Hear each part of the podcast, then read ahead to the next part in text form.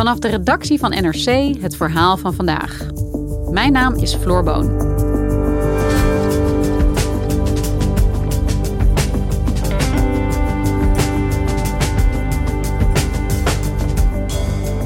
Geëvacueerde Afghanen belanden niet alleen in landen die militairen hadden in Afghanistan, maar ook op plekken waar je het niet zou verwachten. Zoals in toeristenresorts in Albanië, waar ze met open armen worden ontvangen. Buitenlandredacteur Mark Duursma zocht deze mensen op en zag dat de opvang van vluchtelingen ook anders kan.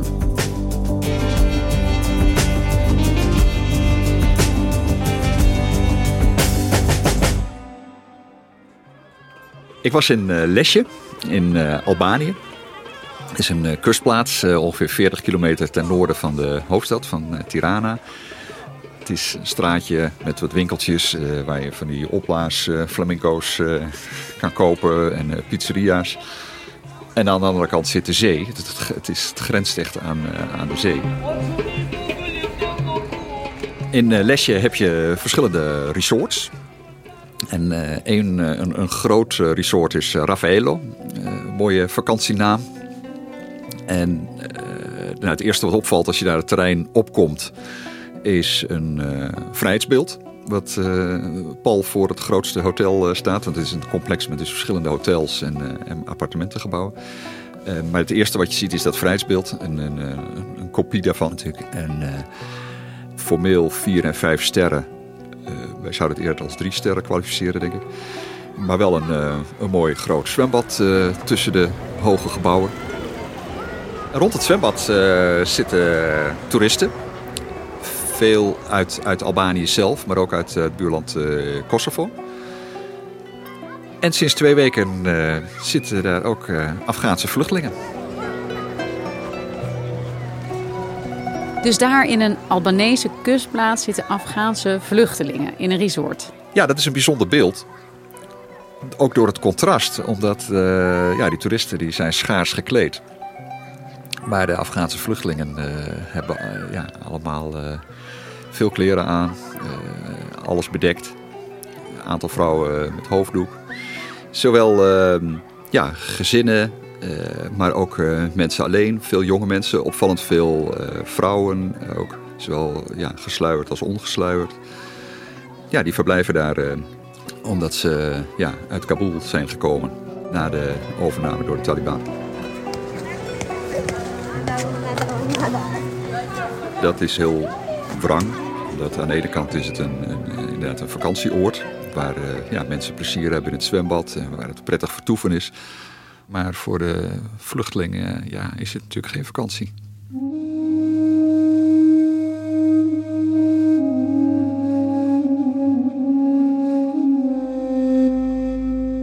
Ja, want er zitten daar in een resort Afghaanse vluchtelingen. Die zitten samen met gewone toeristen. Waarom heeft juist dat land dan deze vluchtelingen opgenomen en hen vervolgens ook nog eens in een vakantieresort ondergebracht? Albanië heeft in een vroeg stadium aangeboden om vluchtelingen op te nemen. Wat natuurlijk opmerkelijk is, want Albanië is uh, op drie na het armste land van, uh, van Europa.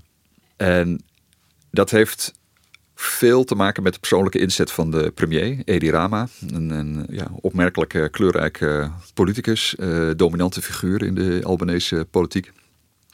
Die had al in juni in een NAVO-verband gezegd: we moeten iets doen.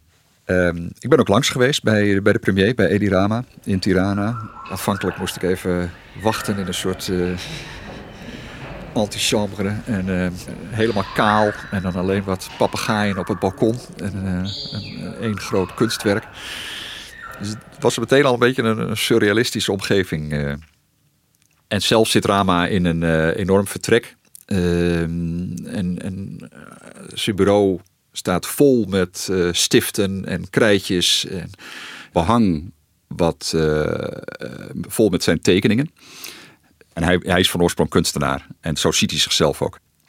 Hij had er aanvankelijk volgens mij helemaal geen zin in. Hij zat een bordje lasagne te eten. En uh, toen ik ook zei van, uh, nou fijn dat, we, dat er geen uh, andere mensen bij zijn. Dat zie je wel eens anders bij politici. Zei, oh, I'm not a politician. Terwijl die al sinds 1998 in de politiek zit. Maar een markante en ook atypische politicus, zoals het klinkt. Zonder meer, ja. En deze Edi Rama is ervan overtuigd dat die vluchtelingen niet in tentenkampen moeten worden opgevangen.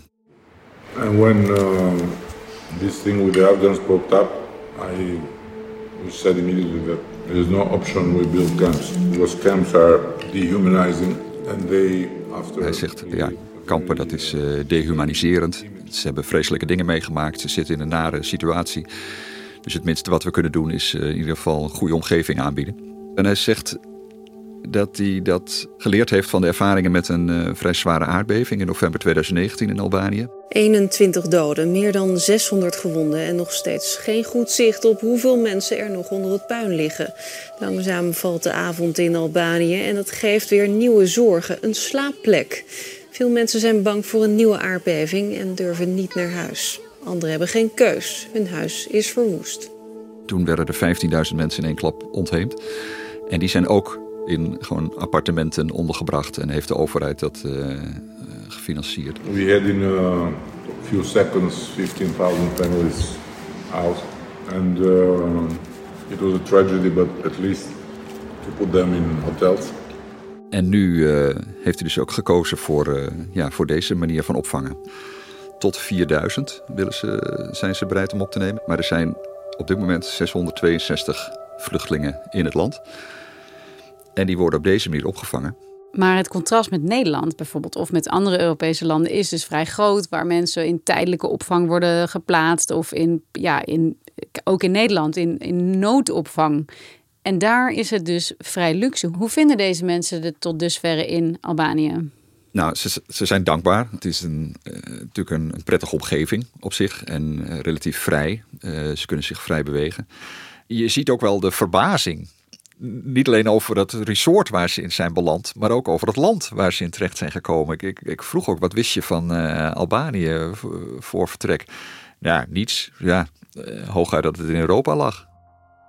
I searched firstly this in internet that where is it located which countries are its uh, neighbors.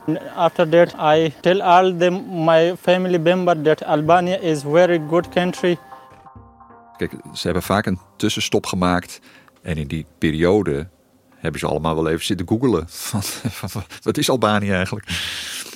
Maar steeds klinkt ook weer de angst voor mensen die daar zijn achtergebleven. Ze hebben natuurlijk allemaal familieleden, vrienden, collega's die niet zijn uh, meegekomen, die niet konden vluchten. En daar, uh, daar zijn ze heel bezorgd over. Het is ook een beetje vervreemdend misschien vanuit een oorlogssituatie bijna aankomen in een vakantieresort. Ja, het is een soort maximale tegenstelling die ze in, in, in een korte periode meemaken. Een van die mensen die met die eerste vlucht arriveerde was uh, Elias, een uh, journalist. I'm Elias Navandesh, a journalist from Afghanistan. I work with Daily Itlaat Rus uh, newspaper a famous newspaper in Afghanistan uh, which works. Hij werkte bij eh, Etilat Ros, een Afghaanse krant. Liep duidelijk gevaar omdat Etilat Ros uh, ja, gewoon onafhankelijk verslag deed van de situatie in Afghanistan. En bleek ook dat die situatie heel gevaarlijk is vorige week. Want twee collega's van hem bij dezelfde krant zijn opgepakt en gemarteld. Some big news coming in. More proof coming up of Taliban ruling with an iron hand. Afghan journalists display wounds sustained from Taliban torture and beating while in custody after they were arrested for reporting on a women's rally in Kabul. Bij Elias bijvoorbeeld uh, zijn ouders, twee broers en twee zussen, die zijn nog in uh, Afghanistan. En daar heeft hij wel contact mee. I'm in contact with my family, my parents, my brothers and sisters. But I know that they are not uh, in good place or in good situation. Ze houden zich schuil dat is natuurlijk een permanente bron van zorg.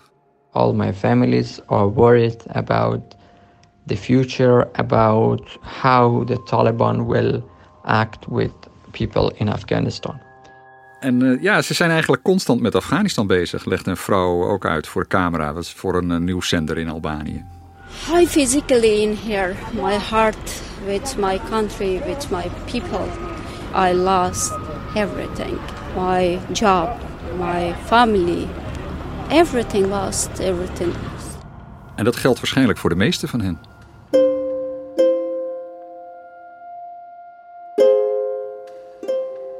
hey, en Mark, waarom nou precies Albanië? Albanië had geen eigen strijdkrachten in Afghanistan. Uh, terwijl veel andere landen dat die mensen hebben geëvacueerd dat juist wel hadden. Wat in dit geval een grote rol speelt, is de rol van de Verenigde Staten. Het gaat om mensen die of direct voor de Amerikanen werkten in Afghanistan of voor instanties die financieel werden ondersteund door Amerikaanse instanties. En dat maakt deze groep wel bijzonder, omdat het bijna allemaal om hoogopgeleide gaat. Het zijn journalisten, maar ook ingenieurs, mensen die, bij, uh, die, die zich inzetten voor uh, mensenrechten of vrouwenrechten. Maar bijna allemaal mensen die ook uh, gewoon goed Engels spreken. Is het dan ook de bedoeling dat deze mensen uiteindelijk in de VS terechtkomen? Het is bedoeld om de Verenigde Staten de tijd te geven die mensen allemaal ja, te, te, te screenen, zeg maar. Dus dat is ook wat er in deze fase gebeurt. En aanvankelijk werd op een paar maanden gerekend voor die fase. Maar nu gaat zowel de vluchtelingen als de Albanese overheid ervan uit dat dat wel 12 eh, tot 14 maanden uh, gaat duren. Dus het is best een lange periode om daar te zitten.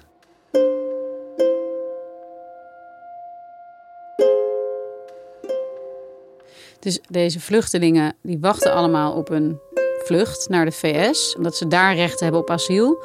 Maar dat gaat dan heel lang duren. Is dit puur een gunst van Albanië aan de VS?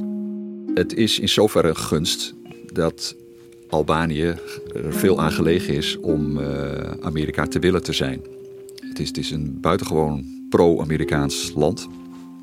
Uh, je hebt ook midden in Tirana de George W. Bush-straat. Uh, je, je ziet overal uitingen van de sterke oriëntatie op Amerika. Hoe komt dat?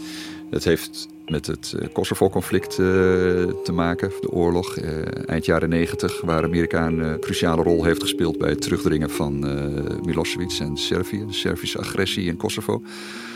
Ja, daar is een grote dankbaarheid voor in Albanië. Dus heeft dat dan ook te maken met dat vrijheidsbeeld dat daar in het resort stond, dat ze zo zich betrokken voelen op de VS? Ja, ik denk het wel. Maar ik denk dat er ook andere dingen spelen. Een, een andere geopolitieke reden is dat Albanië ontzettend graag lid wil worden van de Europese Unie. Al jaren. Dat, dat bleek ook wel in het, in het gesprek met Edi Rama, met de premier. Dat hij, hij zegt ook van uh, Europa is een religie voor ons. Europe for us is a religion. For us, Europe is a place that finally we can choose. After hundreds of years of history, obliged to live in places we didn't choose under different empires that were imposed to us. This is our choice. Hij noemt het letterlijk het, het mooiste project van de mensheid. The European integration process is very important. It's, I, sometimes I say it's even more important than membership because it makes you grow democratically and institutionally. Ja, hij is er helemaal lyrisch over. En dit is natuurlijk een geste of een initiatief wat daar waarschijnlijk ook weer aan bijdraagt. Het is een land wat heel erg in ontwikkeling is en wil laten zien van ja, wij horen erbij, wij leveren ons aandeel, ook al zijn we arm. Maar is het dan puur politiek wat Albanië doet, de opvang van deze Afghaanse vluchtelingen? Nee, denk ik niet. Ik denk dat er naast die politieke afwegingen ook wel degelijk andere zaken spelen. En dat zijn zaken die zowel Albanese als de premier veel liever onder de aandacht brengen. Um, en dat is bijvoorbeeld verwijzen naar een, een oude traditie in, in Albanië, de Bessa. Wat iets betekent dat je woord houden, ja, je belofte houden. En een onderdeel daarvan is het bieden van gastvrijheid aan vreemden. En het bieden van bescherming van mensen die uh, aankloppen. Dus ze zien het als een soort verplichting naar zichzelf toe dat zij gastvrij zijn. Ja, morele verplichting. Het is een erecode ja, waarschijnlijk, zo wordt het verklaard, uh, voortkomend uit de vanouds stammensamenleving die Albanië was. Uh, veel gescheiden gemeenschappen in een bergachtig uh, landschap. dat, je, dat je afhankelijk bent van dit soort erecodes. Dat besef leeft sterk.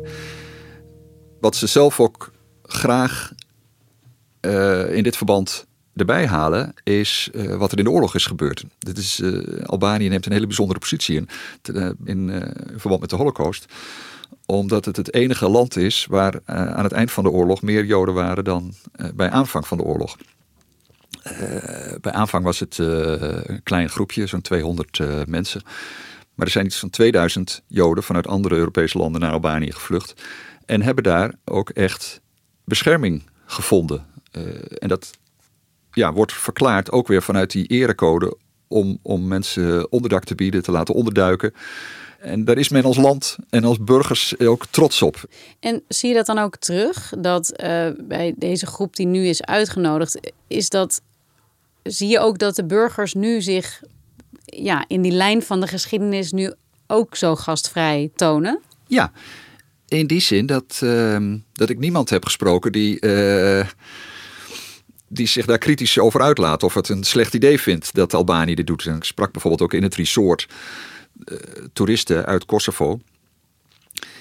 En uh, die daar ja, absoluut geen moeite hadden dat ze dat zwembad nu moeten delen.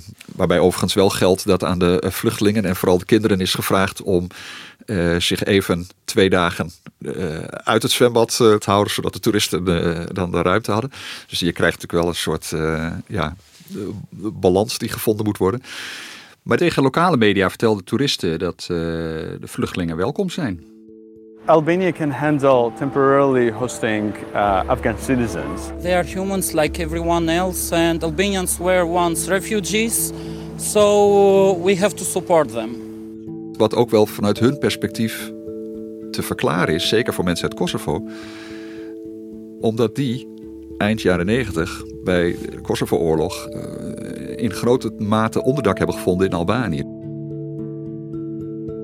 Het klinkt heel prachtig en ook heel anders eigenlijk dan in veel andere Europese landen die juist proberen zo min mogelijk vluchtelingen op te vangen. Tegelijkertijd zijn er ook landen als Griekenland of Italië waar er zoveel mensen tegelijk aankomen. Ja, dat de druk op de bevolking is toegenomen. Hoe zit dat met Albanië? Hebben zij ook al veel vluchtelingen opgevangen? Of is dit eigenlijk maar een klein groepje? Dit is natuurlijk een heel overzichtelijk uh, aantal. Uh, dus dat is te behappen natuurlijk als klein land met, met 3 miljoen inwoners. Maar het neemt niet weg dat de, de instelling en de, de uitgangspositie van Albanië interessant is in dit verband. Want uh, ja, je zou kunnen zeggen van ja, het is ook makkelijk om dit gebaar te maken, want het is uh, tijdelijk. Het is echt de verwachting dat verreweg de meeste vluchtelingen eh, door zullen reizen naar de VS. Maar ik heb de premier ook gevraagd van wat gebeurt er met de mensen die niet door de screening komen. En hij was zonder meer duidelijk van, uh, nou die blijven natuurlijk.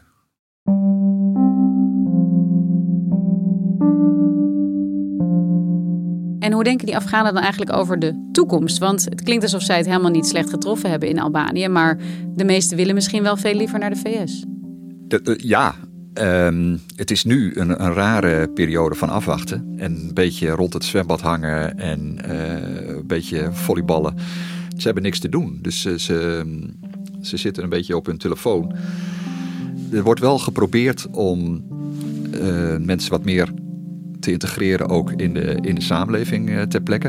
Er was bijvoorbeeld een bijeenkomst van een vrouw van schoonheidsspecialistes. En die gaf een soort uitleg aan een groep vrouwen van wat de mogelijkheden zijn om een beroep te doen op, op als, als, ze zich willen opmaken of naar de kapper dat soort dingen. Dat, ik sprak na afloop zo'n vrouw, die, die was daar heel uh, blij mee. Maar in essentie zijn ze nu vooral aan het wachten tot ze hun leven weer kunnen voortzetten. Klopt, ja. En ik, ik werd wel geraakt door de, de, de soort verborgen tragiek. Omdat je oppervlakkig gezien denk je van, nou, prettige omgeving en uh, zwembad en het was warm en uh, relatief vrij ziet het eruit. Maar als je dan mensen spreekt, dan ja, dat is toch heel, heel triest. Ze willen helemaal niet bij een zwembad zitten. Nee, precies. Het lijkt leuk, omdat wij het met vakantie associëren. En, en, en in vergelijking met vluchtelingen die in andere landen in een tentenkamp zitten, lijkt het zeker een, uh, een, een, goede situatie. Maar dat is het niet. Ze zijn uh, permanent bezorgd over, uh, over hun dierbaren die nog in Afghanistan zijn. Ze kunnen niet terug en ze, ze weten niet wat de toekomst brengt.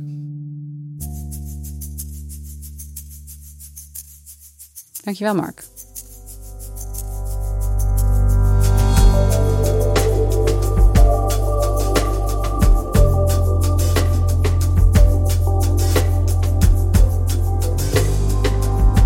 Luisterde naar vandaag, een podcast van NRC. Eén verhaal, elke dag. Deze aflevering werd gemaakt door Esme Dirks en JP Geersing. Dit was vandaag. Maandag weer.